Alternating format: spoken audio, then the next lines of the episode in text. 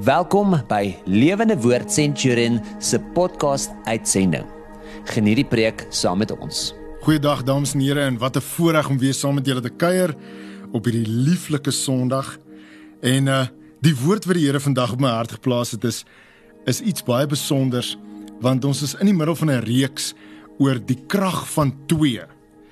En uh voordat ons verder gaan, my naam is Lucio Bason en ek is van Lewende Woord Centurion en kan ek vir ons open met gebed.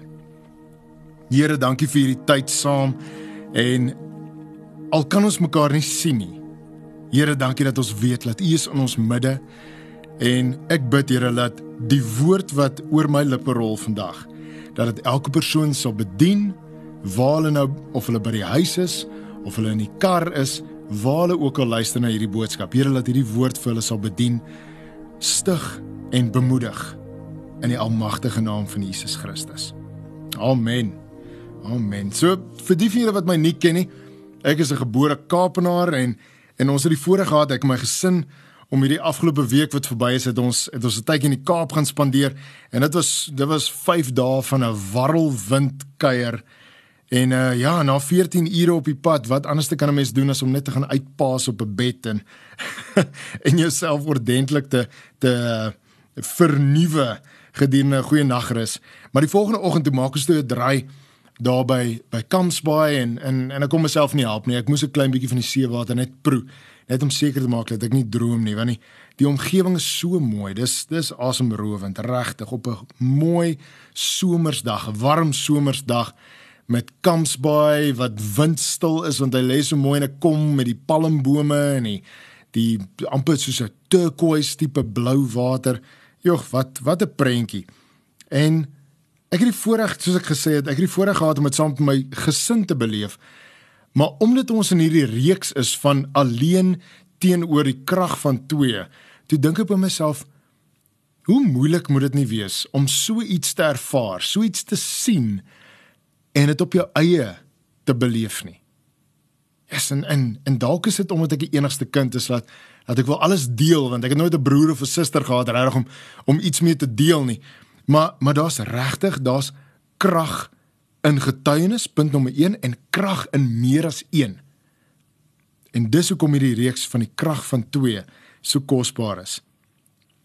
Ons uh, ons het ook by gemeentelede wat in Oktober af afgetrek het Kaap toe. Ehm um, hulle daar besigheid gaan begin en ons het ons by hulle ook 'n draai gemaak en en hierdie man en vrou hulle hulle sê vir my en hulle getuienis was dat hulle was nog nooit nader aan mekaar as wat hulle nou is nie. En dis omdat hulle wortel en tak uitgeruk is hier van Centurion af en hulle bly in 'n prentjie mooi gedeelte van die Kaap, maar vir hulle twee saam beeld hulle eintlik uit wat die krag van twee behels. En en dit bring my by 'n skrif in Prediker 4 vers 10 wat sê as een mens val, kan sy vriend hom ophelp.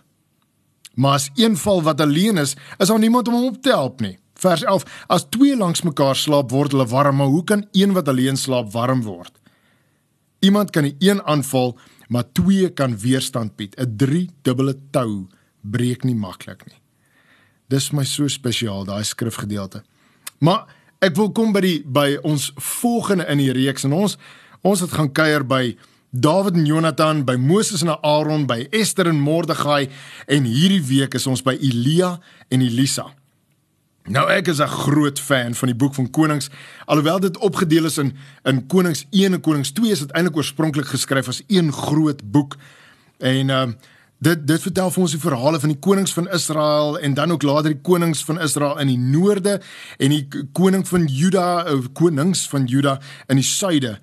En uh, dit laat my so dink aan aan J.R.R. Tolkien se Lord of the Rings en veral die twee gedeeltes die Return of the King en die Two Towers vir die van julle wat dit al gelees het. Dit spreek eintlik van hierdie Bybelgedeeltes waar dis oorlog en dan dan is dit die goeie ouens wen die slegte ouens totdat die goeie ouens sleg word en dan wen die slegte ouens. Dit is 'n wille storie, maar dit spreek so reguit na 'n man se hart. So dames, ek hoop ek glo daar's iets vir julle ook in dit. Maar hierdie is dan die agtergrond of die backdrop van die verhaal van Elia en Elisa. En Elia kom op die toneel deur die nuus van 'n droogte aan koning Agab te gee en Elia en Agab se verhouding is is net nie wonderlik nie om die minste te sê. En Elia lig vir Agab in in 1 Konings 17 dat die dat die Here sê daar sal 'n droogte kom. Nou na hierdie nuus sê God vir Elia, "Hey, jy moet wegkom."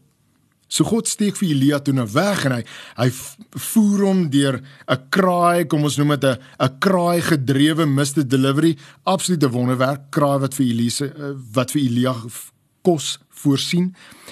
En uh toe later word Elia onderhou deur 'n weduwee wat voorberei was om om saam met haar seun eintlik te sterf, maar God het haar en haar seun gespaar eh deur deur 'n wonderwerk te doen met meel en olie waar sy ook vir Elia in in sodanigheid geondersteun het.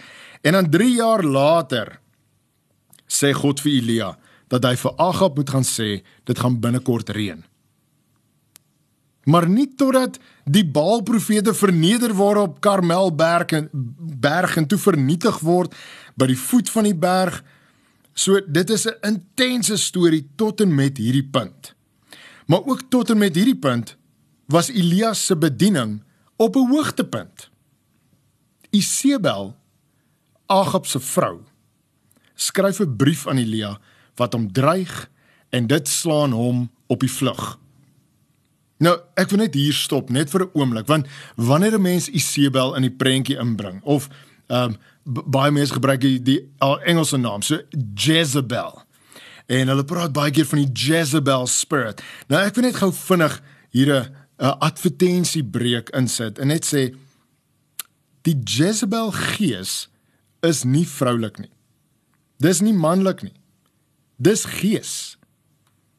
So dis waar mans meer prominent kan sien wanneer die Jezebel gees deur 'n vrou manifesteer of deur 'n vrou werk, maar maar dit is nie 'n vroulike gees nie en is ook nie eksklusief vir dames nie. Dit kan verseker deur 'n man ook werk. So mans, as mamma bietjie kwaai is na 6 maande vir jou vra om asseblief die druppende kraan in die badkamer reg te maak of 'n skarnier aan die kombuiskas. Sy is nie besig om die Jezebel gees um te manifesteer nie. Um sy is eintlik net 100% reg want sy het jou gevra vir die afgelope 6 maande. En uh ja, ek is seker of van daai Daai geld verseker ook in my lewe. Maar kom ons beweeg aan. Elias se wêreld is so geskit deur hierdie brief dat hy sy dienskneg in Berseba moes los en en vlug alleen tot die woestyn binne. Nou om die woestyn binne te gaan is uh, is nie 'n nuwe iets nie, want vir die van julle wat die evangelie sal deurgewerk het, dis definitief ook daar. Want hier bevind Elia homself alleen. Elia wat al God se wondertekens gesien het, hardloop in die woestyn in en gaan sit onder 'n bos reg om dood te gaan. Hier is die ding, die Here los jou nie alleen nie. En dit kan jy maar vasmaak. Dit kan jy op 'n klein papiertjie skryf en op jou spieël plak, want die Here los jou nie alleen nie. Hy sal altyd vir jou hulp stuur. Altyd. In 1 Konings 19 vers 5 tot 7 stuur God 'n engel na Elia toe. En en basies wat hy doen is hy skud hom reg. Hy skud vir Elia reg, want as jy vasgevang is in jou alleenheid, sal die Here 'n engel stuur om jou by te staan. Maar die feit van die saak is, daar is werk om te doen. Jy kan nie jouself op 'n plek van alleen vind onder 'n bos gaan wegkruip en wag om dood te gaan nie. Elia moes toe na hierdie nadat die engel hom versterk het met kos en voorsiening, is Elia vir 40 dae en 40 nagte stap by die woestyn in tot by God se berg Horeb. En en hierdie is waar dit vir my baie interessant raak want soos wat hy in die woestyn ingaan, so ook is Jesus na sy doop deur Johannes die Doper en uh, en die Heilige Gees wat op hom kom rus soos 'n duif, is hy gelei deur die Heilige Gees om in die woestyn in te gaan, 40 dae, 40 nagte. Die verskil tussen Elia en Jesus is die volgende. Dat Elia moes 40 dae in die woestyn invaar om God te ontmoet. Jesus het 40 dae in die woestyn ingegaan sodat hy Satan kom ontmoet. Hoekom? Want Jesus word op die toets gestel deur deur Satan om daai toets te slaag wat Adam nie kon slaag nie. So ook het Elia deur 'n tyd van 40 dae wat nie maklik kan ons dit vir mekaar sê dit kon nie maklik wees 40 dae 40 nagte in die woestyn nie en dit geld vir Elia en vir Jesus Elia was so te sê non-doel gedrewe al al het die die engel vir hom gesê jy moet gaan na die berg Horeb toe so ook was Jesus doelgedrewe in die woestyn ingelei deur die Heilige Gees. sien julle hoe hierdie spieël, hierdie spieelbeeld van mekaar af af ek weet nie, dit speel van mekaar af sonder om nou 'n woordspeling te doen op die woord speel. As jy in jou huidige seisoen alleen beleef, hou moed. Jou deurbraak kom. Psalm 30 vers 6 sê sy toorn duur net vir 'n oomblik maar sy genade is lewenslank en dan die volgende sin is belangrik. In die nag vloei die trane, maar in die oggend is daar vreugde. Die Engels sê dit so mooi, sorrow may last through the night but joy comes in the morning. Hou jou oë en jou gedagtes op God gerig en dat sy wil geskied. Dis belangrik. Ek wil julle oorig na 1 Konings 19 af vanaf vers 13. Toe Elia dit hoor, het hy ges, sy gesig met sy mantel toegemaak. Hy het by die ingang van die grot gestaan. 'n Stem het gesê: "Wat maak jy hier, Elia?" Hierdie is God wat natuurlik met hom praat. Hy het weer geantwoord: "Ek het u met toewyding gedien, Here God Almagtig.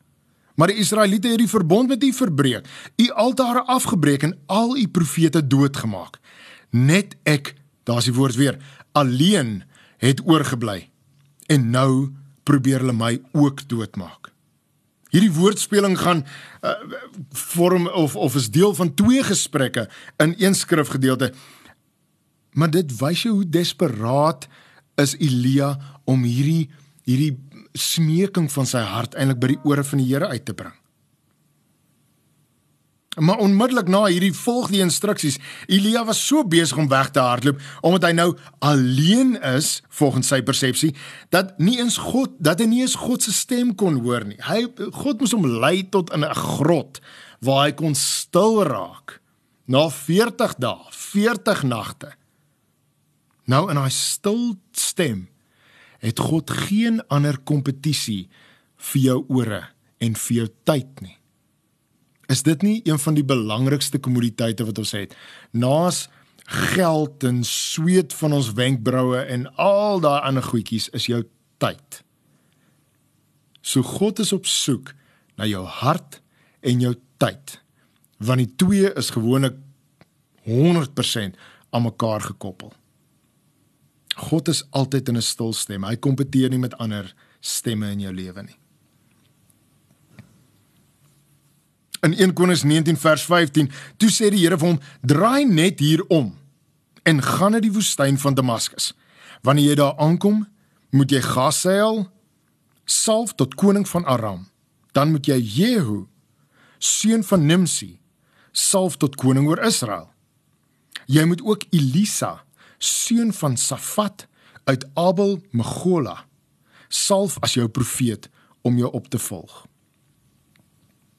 Nou Elia se mismoedigheid het soos mis voor die son verdwyn toe hy hoor dat God hom nie alleen gaan los nie. Want hier's die realiteit, dames en here, dit was nog nooit God se plan nie. God se plan is nie alleen nie. God verstaan die krag van twee. En hy wil hê julle moet ook. Hoe watter beter uitbeelding lees ons in al die evangelies van hoe Jesus dinge gedoen het? Jesus het het vir 'n oomblik homself onttrek van die massas en van die disippels slegs om tyd by die Vader te spandeer in gebed, tyd in gesprek met sy Pa in die hemel, sodat hy rigting, wysheid, insig kan kry vir die pad vorentoe, sodat die Here vir hom strategie kan gee vir wat sy hart voorklop. Want daar is baie stemme in die wêreld. En baie van daai stemme gaan nie vir jou op die regte pad lei nie. Maar die stem van die Here, die stem van ons alwetende God, hy sê jou nooit verkeerd lei nie. Daar's krag in twee. Elia se fokus was ewe skielik weer op die hemel gerig. Kolossense 3 vers 2 sê vir ons: "Laat julle gedagtes beheer word deur hemelse dinge en nie deur dinge op aarde nie." Die eerste van die gedagtes wat Elia uitge deur Elia uitgevoer is, is om na Elisa toe te gaan en om te gaan salf. Maar hier is hier 'n interessante ding en dis nog 'n perspektief van die hart van God wat ek ook vandag vir julle wil uitbring. En dit is dat God word nie gekonformeer nie. God is nie in 'n boksie nie. God is kreatief. Hy is wonderlik. Hy is spectacular. Hy is vol um misterie en hy hy's vol wondertekens en hy's vol liefde vir my en vir jou en in daai kan God nie gestereotipeer raak nie. Ek hoop dis 'n woord. Maar let op. Elia het nie vir Elisa met olie gesalf of sy hande op hom gelê nie. Nee, Hy het sy mantel op hom gegooi. Hier is 'n wonderlike voorbeeld van hoe die Here partykeer net goed anders doen. En dis weer eens die belangrikheid wat ons net oor gepraat het van hoe jy tyd by God moet spandeer om te hoor wat hy vir jou sê. Tyd by Jesus se voete. Tyd in die teenwoordigheid van die Here. Tyd in worship. Tyd in gebed. Elia en Elisa was vir 6 jaar saam. En Elisa het dubbel die hoeveelheid wonders gedoen wat Elia gedoen het. Hierdie is die wonder van die krag van twee. Hulle het saamgestap. Elia was nooit um in 'n plek van angstigheid van o, die Here het nou 'n opvolger vir my uitgewys. Nou is hy geïntimideer deur hierdie hierdie jong man wat hy nou moet gaan salf want hy op een of ander stadium gaan hom opvolg. Glad nie glad nie. Die dinamika tussen hulle twee was wonderlik, want die jongere het geleer by die ouer. En wat 'n kosbare ding. Ons probeer deesdae alles Google, maar ons uh ons ons sukkel om inspraak te vat van iemand wat ouer en wyser en iemand wat langer al op die aarde loop as as jy. Net oor 'n plek van intimidasie beteken dit die persoon is beter as ek? Nee, glad nie glad nie. Hy het meer lewenservaring. En jy hoef nie alles vir soetkoek op te eet nie, maar spandeer tyd by die persoon, ken hulle hart en jy kan self filter wat van toepassing is vir jou. Hoe baie van ons stap 'n pad van 6 jaar met iemand? Ek praat nie van familie en en noodwendig vriende. Ek is seker of van na 6 jaar word 'n mens soos familie. Maar ons het so kort lewensduur aan verhoudings dat dit maak dit regtig moeilik om diep verhoudings te kweek. Elia en Elisa het diep verhouding gekweek. Ek dink dit was 3 verskillende keer wat Elia vir Elisa sê ek gaan nou alleen aan. Ek gaan alleen na die volgende dorp toe. Ek gaan alleen. Ek dink hy het gegaan na Bet Bethel toe. Hy het toe is hy na Jerigo toe. En elke keer sê hy vir vir Elisa, bly hier en Elisa sê, "Nee. Nee, verseker nie." Ander profete kom na Elisa toe en sê, "Het jy geweet dat jou meester word vandag opgeneem?" En hy sê, "Ja, ek weet, los dit net." Hy's bewus van hierdie, maar hy wil elke laaste sekonde saam met sy meester, sy leermeester Elia wat hy gesien het wonders en tekens doen ter ter vir die glorie van God. Hy het hom gesien dit doen. En toe reg aan die einde toe Elia vir Elisa vra: "Wat wil jy? Wat vra jy van my?"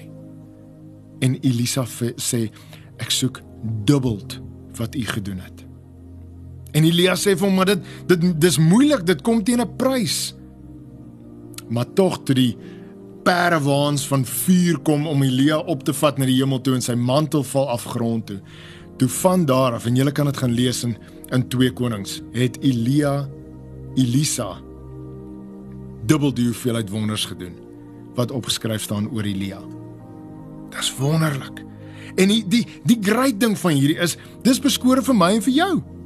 Jakobus 5 vers 17 en 18 sê vir ons Elia was 'n mens net soos ons. Dit beteken dames en here, Elia was 'n mens net soos ek en net soos jy wat nou na my luister. Ek wil afsluit met hierdie volgende skrif wat Paulus skryf in Filippense 1 vers 4.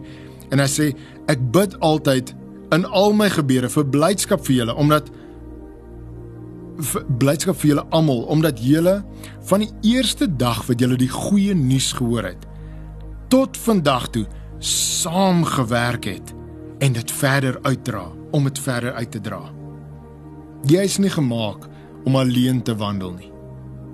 Wanneer 'n mens dink jy is alleen, trek jy terug. Jy vind jouself in 'n droë, dorre plek, jou eie woestyn. Jy gaan kruip onder 'n bos weg. Of wat COVID vir ons gedoen het, is ons gaan kruip in ons huise weg. En ons wag vir ons laaste dae. Dis nie die Here se hart nie. Die Here se hart roep ons almal om bymekaar uit te kom. Die Here se hart roep ons om koinonia te hê, om gemeenskap van gelowiges saam te hê, om saam te worship, om kerk te wees en saam by mekaar se harte uit te vind sodat ons mekaar se laste kan dra, sodat ons mekaar kan ophelp vir die pad wat vorentoe vir ons lê. Saam met wie lê jou krag van 2? En dames en here, ek wil julle los met daai laaste gedagte. Wie is daar rondom jou wat jy krag in vind? Ons praat nie nou van ons praat nie van Jesus, die Heilige Gees en God die Vader nie. Verseker is daar oneindige krag. Maar watter mens is daar wat jy 'n pad mee stap?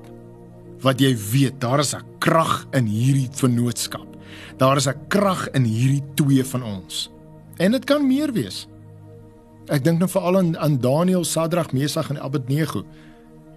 Daar's krag in hulle in hulle saam staan. Hulle los met hierdie. Daar's 'n krag van net twee van julle saam stap. Kom ons maak die oë toe. Here, dankie vir hierdie tyd wat ons kon saam spandeer.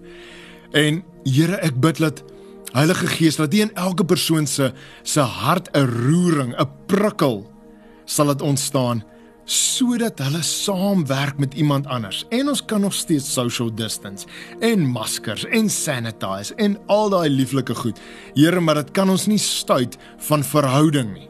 Want U is 'n God van verhouding en dis wat ons uitbeeld. Dis wat ons onder mekaar moet uitbeeld. Ons moet saam die evangelie kan vorentoe vat. Dis nie 'n man of power for the hour nie. Dis nie ek en myself en ek alleen nie. U het ons gemaak om verhouding te hê. So Heilige Gees, ek bid Here dat dit soos wat elke persoon nou na my luister.